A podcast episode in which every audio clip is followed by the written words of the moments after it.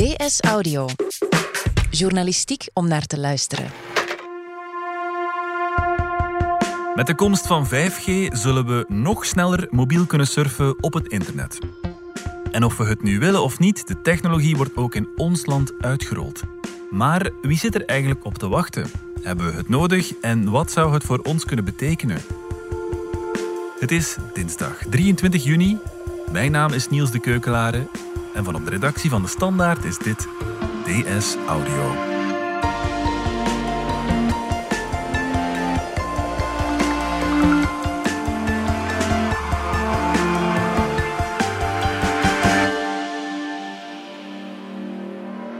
Technologiejournalist Dominique Dekmijn. Ik zit zelf nog met een 4G-verbinding. Voor mij is dat eigenlijk snel genoeg. Absoluut. Ik denk dat voor de meeste mensen uh, op dit moment zo is. Er is niemand die op dit moment echt het gevoel heeft van die mobiele verbindingen zijn te traag. Tenminste, in de beste omstandigheden. Mm -hmm. En daar komen we eigenlijk op een belangrijk verschil tussen 4G en 5G. Wat is 5G? Laten we dat misschien toch eerst even duidelijk zeggen. 5G is de volgende generatie van mobiele technologie. Dus dat soort sprong dat er zo een, een G bij komt, een nieuwe generatie mobiele technologie, is toch maar om de 10 jaar. En het duurt dan telkens wel een paar jaar voor iedereen een beetje mee is. En dan wordt dat ook geleidelijk wat sneller. Nadat we nu een jaar of tien eigenlijk op 4G zitten. En daarvoor hadden we een klein decennium 3G. Dus dat zijn evoluties waar jaren overheen gaan. Mm -hmm. 5G is nu gloednieuw, het duikt nu op. Hebben we het nu allemaal nodig? Dan kun je eigenlijk heel simpel antwoorden: nee. De vraag is dan. Gaan we het in de toekomst wel nodig hebben en, en waarom dan en wat gaan we ermee doen? En dan is het antwoord al een stuk langer natuurlijk. Ja. Zeg maar, Dominique, wat kunnen we meer dan met 4G? Wel, dat is een goede vraag. Hè? Dus er is nogal een, een verkoopspraatje rond 5G opgebouwd de afgelopen jaren. En daar moeten we eerlijk zijn, dat is een beetje overdreven. Mm -hmm. hè? Dus er, er, wordt heel veel gesproken over toepassingen en dat is allemaal een beetje theoretisch. Ik denk dat we eerst een beetje duidelijker moeten uitleggen misschien wat 5G precies is. Hè? Want uh, 5G is een koepelterm, die heeft men gelanceerd en daar hangt dan een heleboel reclame rond. 5G is, is in de eerste plaats natuurlijk een marketingterm. Men probeert ons een, een nieuwe smartphone en een nieuw abonnement aan te smeren. Mm. Wat er werkelijk achter zit, is een aantal verschillende technologische verbeteringen, die ik misschien eventjes op een rijtje kan zetten.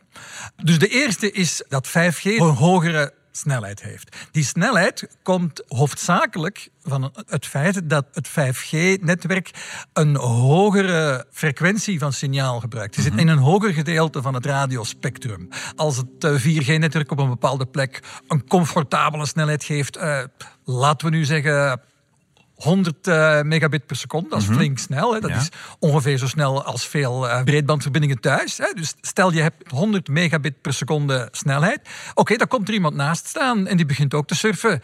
Ja, dan heb je er eigenlijk uh, nog maar 50. Mm -hmm. En straks staan we daar met 20 mensen. Heb je nog maar 5 megabit per seconde. En als we dan met 100 mensen, dan kruipt het internet vooruit. Het is simpele wiskunde. Ja, en dat heb je niet met 5G. Dan blijft het voor iedereen ongeveer even snel. Uh, niet helemaal, maar het komt er toch dicht in de buurt. Want 5G doet eigenlijk uh, een aantal dingen, maar een van de belangrijke dingen dat het doet. Ten eerste heb je meer snelheid. Hè? Uh, in theorie maal 10, maal 100. In de praktijk voorlopig zeg maar maal 2. Hè? Mm. Dus uh, ik heb het in Mechelen kunnen uitproberen. En toen had ik op 4G, het was een rustige dag, was blijkbaar niemand aan het surfen, zat ik aan uh, 200 megabit per seconde, wat ik ferm snel vind. Mm. En op 5G geraakte ik dan aan 400 megabit per seconde. Dat is niet de gigabit waar veel, je veel van hoort spreken. En evenmin de 10 of 20 of 100 gigabit die in theorie mogelijk zouden zijn op 5G. Maar het is toch aardig snel die 400 uh, megabit. Maar het straffen aan 5G is dan, als we dan daar met, ja, tot, uh, laten we zeggen, 60 mensen staan, hebben we elk onze 400 megabit. Mm -hmm. Want 5G maakt gebruik van iets dat uh, beamforming heet. Ik heb eigenlijk een eigen persoonlijk kanaaltje recht naar die 5G-antenne. Ja. En de persoon naast mij heeft een ander kanaaltje lopen. En we kunnen eigenlijk tegelijkertijd diezelfde bandbreedte gebruiken. Ja. Dat is zelfs een van de twee belangrijkste doorbraken in 5G. Nu, voor alle duidelijkheid, de meeste mensen op dit moment kunnen nog geen 5G-signaal ontvangen met een smartphone. Hè? Nee, dus er zijn nog maar heel weinig 5G-smartphones op de markt. En als je een 5G-smartphone hebt, dan heb je het zeker gemerkt aan het uh, hele hoge prijsticketje dat erop staat. Er is een klein probleem mee. Hè? Um, want niet elke 5G speelt zich af op diezelfde frequentie. Hè? Dus men heeft voor het gemak het allemaal maar 5G genoemd. Maar in feite moet men een onderscheid maken tussen twee verschillende soorten 5G. Die eigenlijk ja, heel andere eigenschappen hebben. Ja, die vereisen misschien ook een ander toestel of andere Wel, eigenschappen. Vooral dat, dat maakt het nog eens extra erg. Hè? Dus wat we voor het gemak allemaal samenvatten als 5G, gaat eigenlijk aan de ene kant over wat men millimeter wave 5G noemt. Dat is 5G aan een hele, hele hoge frequentie in de buurt van de 30 gigahertz. Men noemt dat millimeter wave omdat de golven aan die hoogte letterlijk maar een millimeter groot zijn. Mhm. En um, aan de andere kant spreekt men over sub-6 5G. En dat is 5G aan frequenties lager dan 6 gigahertz. En dat is dus dichter in de buurt van de frequentie van je gewone smartphone. Als je iemand hoort vertellen over de fantastische snelheden die je met 5G bereikt, dan hebben ze het waarschijnlijk over die millimeter wave. Mhm. Helaas, helaas, die millimeter wave 5G, die supersnelle 5G, is niet wat men in België is aan het bouwen. Voorlopig zijn er geen plannen om dat naar hier komt. En een millimeter wave smartphone zou hier zelfs niet werken. Want er is geen millimeter wave 5G bij ons. Wat men hier is aan het bouwen is dus sub-6 uh, 5G. Dat is een pak trager, heeft niet die geweldig hoge snelheid waarvan gesproken is, is maar eigenlijk maar een klein beetje sneller dan 4G. Maar je hebt wel meerwaarde zodra je met, met veel mensen erop zit. Dus 5G, zoals men dat hier aan het opbouwen is, is plenty snel. Hè? Dus het is maar iets sneller dan 4G. Oké. Mhm. In onze metingen was het dan uh, maal 2, maar eigenlijk beweert Proximus is heel voorzichtig en zegt van het gaat maar 30% sneller zijn. Dus het is maar een klein beetje sneller. Maar zodra als er meer mensen rond diezelfde zendmast staan, ga je wel een ernstig uh, verschil beginnen merken. Dus mhm. het is goed. Kun je daarmee dezelfde dingen doen als die uh, fenomenaal hoge snelheid eh, waar je over leest? Ja, hè, want dan heeft me dat over. Men zoekt dan allemaal uh, interessante toepassingen die, die die snelheid zouden vereisen, maar dat gaat dan al vaak over operaties die op afstand gebeuren mhm. via virtuele realiteit en dat soort dingen. Ja, zelfrijdende auto's, dat soort zaken. Wel, dat is het andere voorbeeld dat men vaak noemt. Hè. Dus op het moment dat men dan liet weten dat het in België toch nog even ging duren voor we een, een volledig 5G-netwerk hadden, hoorde je wel zeggen van, oh dat is jammer, dan krijgen we die zelfrijdende auto's niet. Nou, die zelfrijdende auto's die zijn er nog niet. Uh, dus ja, het is wel zo, in de toekomst zouden zelfsturende auto's dat 5G-netwerk kunnen gebruiken. Maar in principe zou dat ook op 4G kunnen. Maar als het gaat over die zelfrijdende auto's, dan heb je het eigenlijk voor een stuk over een andere eigenschap van 5G die we nog niet hebben gehad. Want er is de hogere snelheid. Er is het feit dat je met meer mensen tegelijkertijd diezelfde snelheid kunt gebruiken.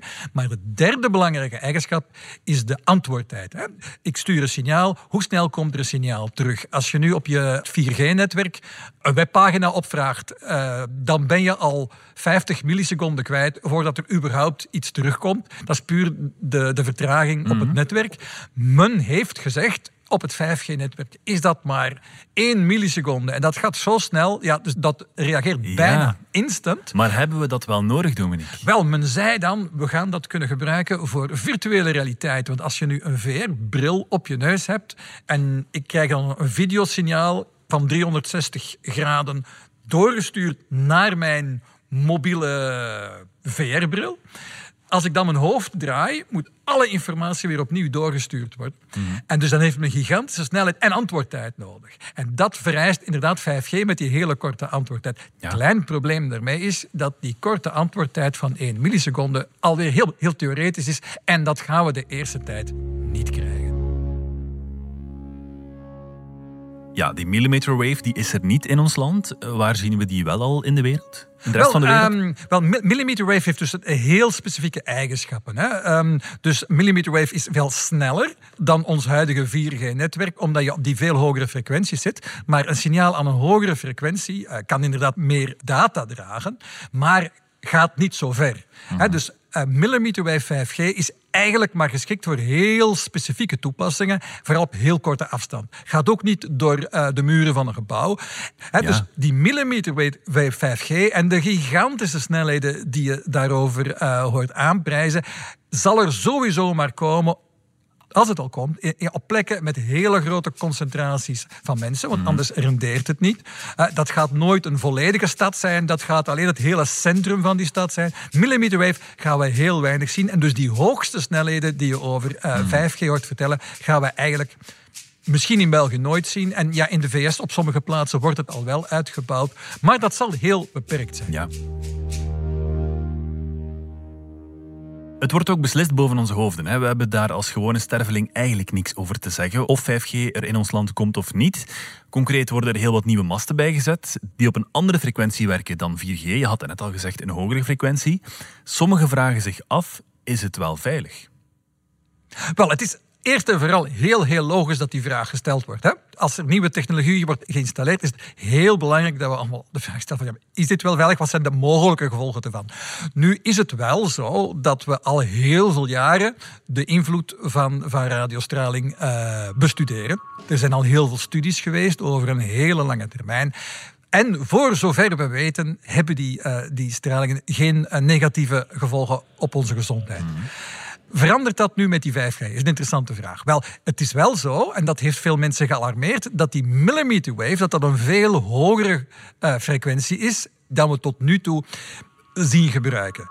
Maar zeggen de specialisten, het is nog altijd ruimschoots onder de limiet waarbij uh, straling een invloed kan hebben op ons DNA. Mm -hmm. eh, wat men dan ioniserende straling noemt. Het zit daar nog ruim, ruim onder. Dus op dat, op dat vlak kan het geen kanker veroorzaken doordat het ons DNA beschadigt. Dat kan niet. Wetenschappelijk onmogelijk. Kan er andere schade zijn? Wel, voorlopig uh, de gezondheidsschade van zo'n uh, signaal is nooit bewezen geweest. Wat het wel doet natuurlijk, straling, is het warmt je een beetje op. En men is er voor het gemak van uitgegaan, zolang als het je niet meer dan 1 graad opwarmt, hè, want je bent, als je lichaamstemperatuur 37 graden is, wel als hij dan door blootstelling aan dat toestel zou kunnen opwarmen bij langdurig gebruik naar 38, dan zegt men ja, dat wordt nog wel een beetje gevaarlijk. Laat ons dat dan niet doen. Maar dat is eigenlijk, ja, een beetje een willekeurige keuze. Dus het is niet dat het dan daarboven wel schadelijk is en dat dat bewezen zou zijn. Maar voorzichtigheidshalve probeert men te zorgen dat het je niet te veel kan uh, opwarmen.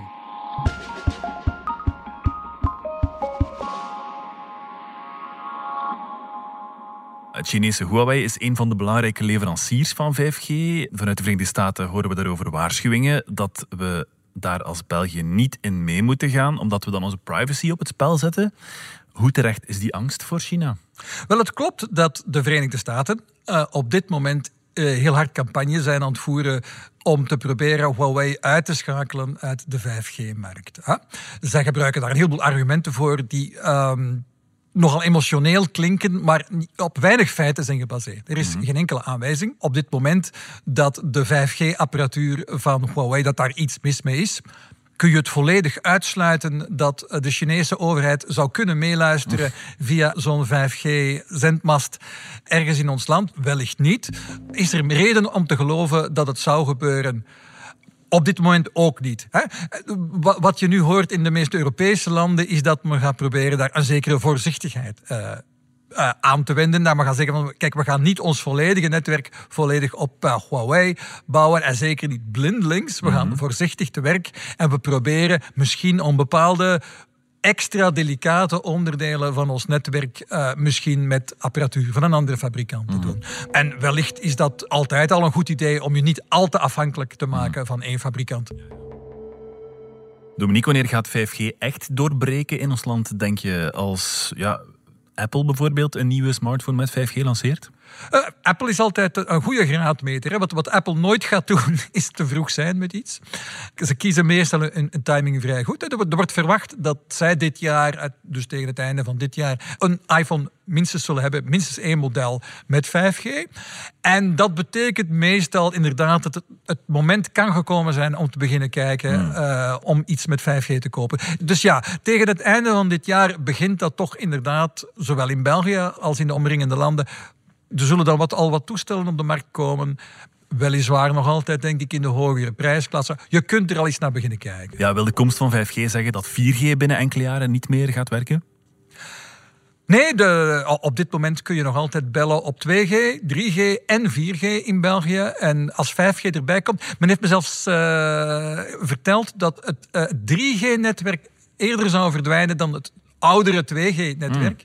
Mm. Uh, dat blijft gewoon staan. Dat is allemaal voorzien op je, je telefoon. Je telefoon valt altijd eigenlijk naadloos terug. Laten we zeggen, op een doorsneeplek, kilometers uh, ver van de, van de bewoonde wereld, zul je waarschijnlijk terugvallen op 4G, op 3G of wie weet 2G zoals het uh, nu is. Ja, is er al sprake van 6G? Ja, uiteraard denkt men al een generatie verder, maar laten we ervan uitgaan dat we daar de eerste tien jaar niet van wakker moeten liggen. Nee. Voor de luisteraar die misschien op het punt staat om een nieuwe smartphone aan te schaffen, eh, is het zinvol om nu al een 5G-toestel in huis te halen?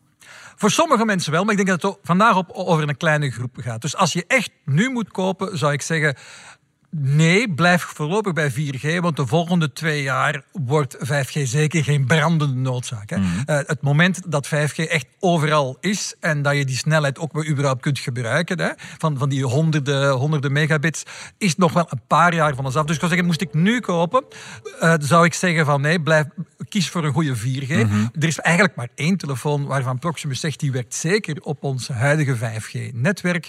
En dat is de Oppo Find X2 Pro en die kost 1200 euro. Ja, dat is Ik kan erbij zeggen, ze hebben mij eventjes laten gebruiken. Het is een schitterend toestel, maar 1200 euro is best wel veel geld. Mhm. En ja, om dan het verschil te zien dat, dat je dan in het ene geval aan 200 en in het andere geval aan 400 megabit zit, moet je mij eens vertellen voor welke toepassing 200 megabit per seconde te traag is. Mhm. En dat brengt mij terug op de initiële vraag. Hebben we het nodig? Ik denk dat we altijd, ik denk dat we altijd meer snelheid kunnen gebruiken.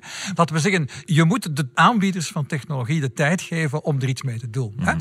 Geef hen die extra snelheid in handen en ze zullen manieren vinden om die te gebruiken. Of dat dan direct op je smartphone zal zijn, dat weet ik niet. Wat je alvast zult krijgen is veel gemakkelijkere manieren om hoge snelheid internet te krijgen thuis via uh, eh, 5G. Met, met 4G kom je nu aan snelheden die ongeveer in de buurt komen van uh, een goede kabelverbinding. Met 5G kun je er eigenlijk boven gaan. Dus je mhm. kunt een hele snelle verbinding voor thuis hebben. En ik geloof als we uh, binnen 10 jaar uh, hier zitten te praten over de introductie van 6G. en dan zullen we ons opnieuw de vraag stellen of we al die snelheid nodig mhm. hebben. Maar dan zitten we al, binnen 10 jaar zitten we allemaal op 5G. Mhm. En kunnen we ons dat 4G-tijdperk nog amper indenken. Ja, Dominique Dekmijn, dankjewel. In deze aflevering hoorde je Dominique Dekmijn en mezelf Niels de Keukelare. Ik deed ook de redactie, de eindredactie gebeurde door Anna Kortering. Recht Plasgaard deed de audioproductie en schreef ook de muziek die je hoorde in deze podcast. Vond je deze podcast interessant? Weet dan dat je er elke werkdag één kunt beluisteren. Dat kan via de DS Nieuws app of via standaard.be-audio. Je kunt je ook abonneren via Apple Podcasts, Spotify of de podcast-app van je keuze. En als je daar dan toch bent, schrijf gerust een review. Zo toon je ook anderen de weg. Morgen zijn we er opnieuw.